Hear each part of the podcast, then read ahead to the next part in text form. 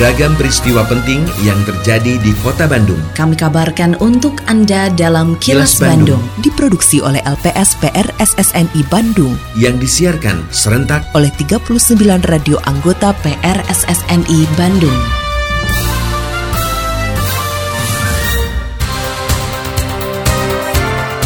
Sejumlah informasi aktual kami hadirkan untuk Anda dan inilah informasi utamanya.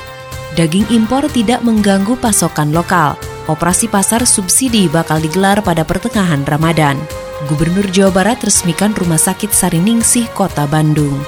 Saya, Santika Sari Sumantri, inilah kelas Bandung selengkapnya.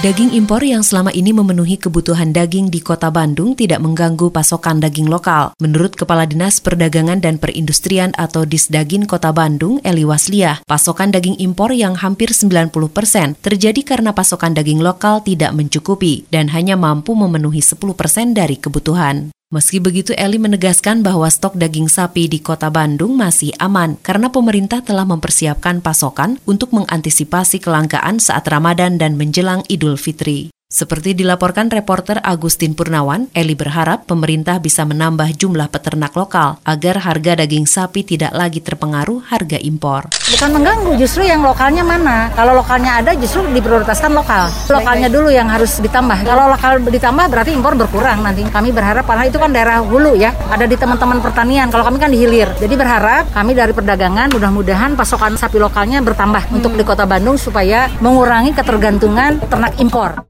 Pemerintah Provinsi Jawa Barat sudah menyiapkan digelarnya operasi pasar murah kebutuhan pokok masyarakat yang rencananya digelar pada pertengahan sampai akhir Ramadan di seluruh Jawa Barat. Kepala Dinas Perdagangan dan Perindustrian Provinsi Jawa Barat, Yendra Sofyan, mengatakan operasi pasar dilakukan terhadap kebutuhan pokok bersubsidi yang mencakup empat komoditas, yaitu beras, terigu, gula pasir, dan minyak goreng. Dalam operasi pasar tersebut, pemerintah Provinsi Jawa Barat menyiapkan anggaran mencapai 15 miliar rupiah untuk menyubsidi sekitar 52 persen dari harga komoditas kebutuhan pokok yang dijual. Reporter Agustin Purnawan melaporkan, menurut Yendra, keputusan memberikan subsidi terhadap empat komoditas tersebut berdasarkan kajian tim karena yang paling dibutuhkan masyarakat selama Ramadan dan Lebaran. Bahan pokok mana yang harus disubsidi dan berapa? Alhasil rencananya adalah ada empat. Yang pertama tepung terigu 2 kg, yang kedua adalah beras ya 2 kg, kemudian minyak goreng 2 liter, dan yang terakhir gula pasir 2 kg.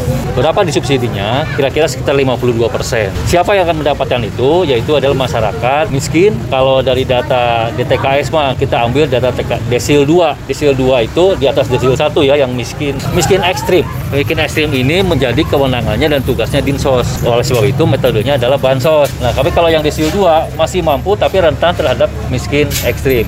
Inilah yang kita targetkan.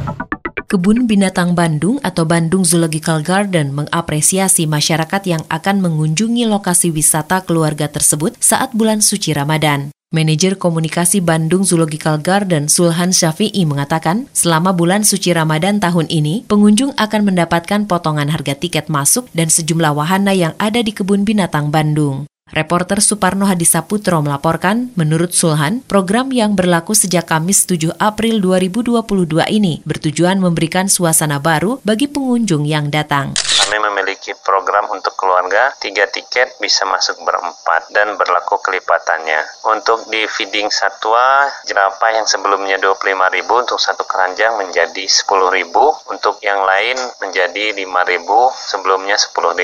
Untuk satwa tunggang yang sebelumnya 30.000 menjadi 15.000. Program ini untuk memberikan suasana baru pada pengunjung kebun binatang selama bulan Ramadan.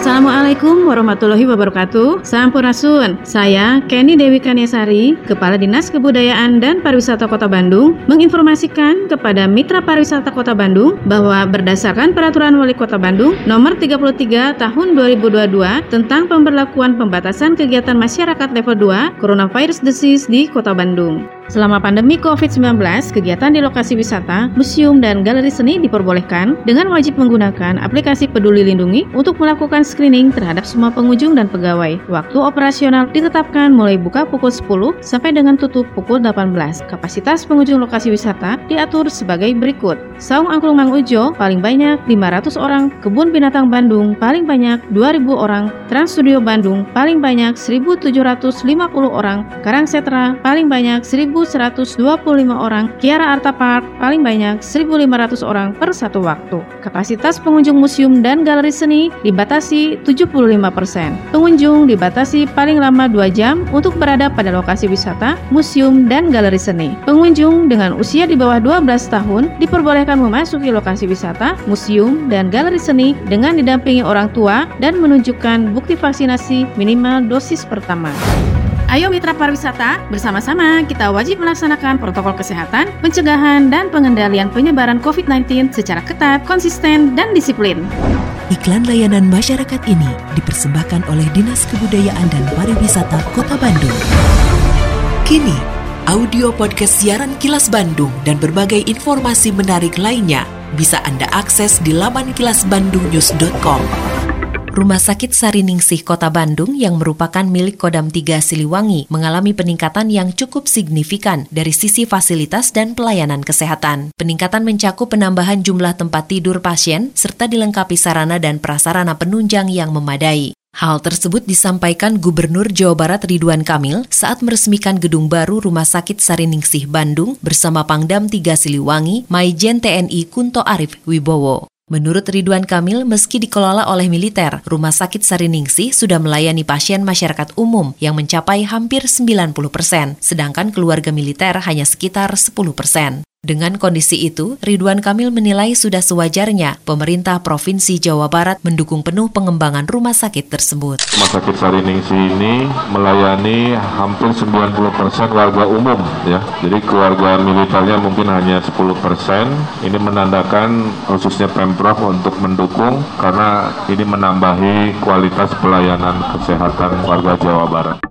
Kepala Pusat Kesehatan TNI Angkatan Darat Mayor Jenderal TNI Dr. Purwo Setianto mengapresiasi bantuan hibah dari pemerintah Provinsi Jawa Barat dalam pembangunan Rumah Sakit Sariningsih Kota Bandung. Menurutnya dengan hadirnya gedung dan berbagai fasilitas baru yang lebih lengkap tersebut dapat meningkatkan layanan kepada pasien baik masyarakat umum maupun militer khususnya keluarga besar Kodam 3 Siliwangi. Seperti dilaporkan reporter Yudi Dirgantara, pembangunan rumah sakit militer Sariningsih menggunakan dana hibah Provinsi Jawa Barat sekitar 50 miliar rupiah. Selain untuk prajurit TNI, rumah sakit ini juga diperuntukkan bagi ASN militer beserta keluarga serta masyarakat umum berkat bantuan dana hibah dari Bapak sehingga kami warga kesehatan Angkatan Darat khususnya Bapak hadir rumah sakit yang cukup representatif yaitu rumah sakit tingkat 4 Sariningsih. Hai wargi Bandung, kamu tahu nggak kalau Bandung Smart City sekarang punya aplikasi Bandung Super Apps namanya Sadayana atau Semua Digital Layanan Kota. Nah, ada menu apa aja sih di Bandung Sadayana? Kamu bisa mendapatkan berbagai layanan publik, forum smart city, marketplace, kalender event, CCTV publik, open data, informasi COVID-19, virtual event, info kegawat daruratan 112 bisa didapatkan di aplikasi ini. Wih, keren banget gak sih? Setiap user akan tergabung menjadi bagian dari Bandung Smart City Forum dan dapat mengakses berbagai layanan publik dari pemerintahan Kota Bandung. Jadi, kuy, buruan download ya. Untuk informasi lebih lanjut, kamu bisa kunjungi website www.smartcity.bandung.go.id atau download aplikasi Bandung Smart City di Google Play dan WhatsApp Bandung Smart City di 0811 259 1810. Bener-bener deh Bandung Super Apps, satu platform untuk beragam kebutuhan. Pesan ini disampaikan oleh Diskominfo Kota Bandung.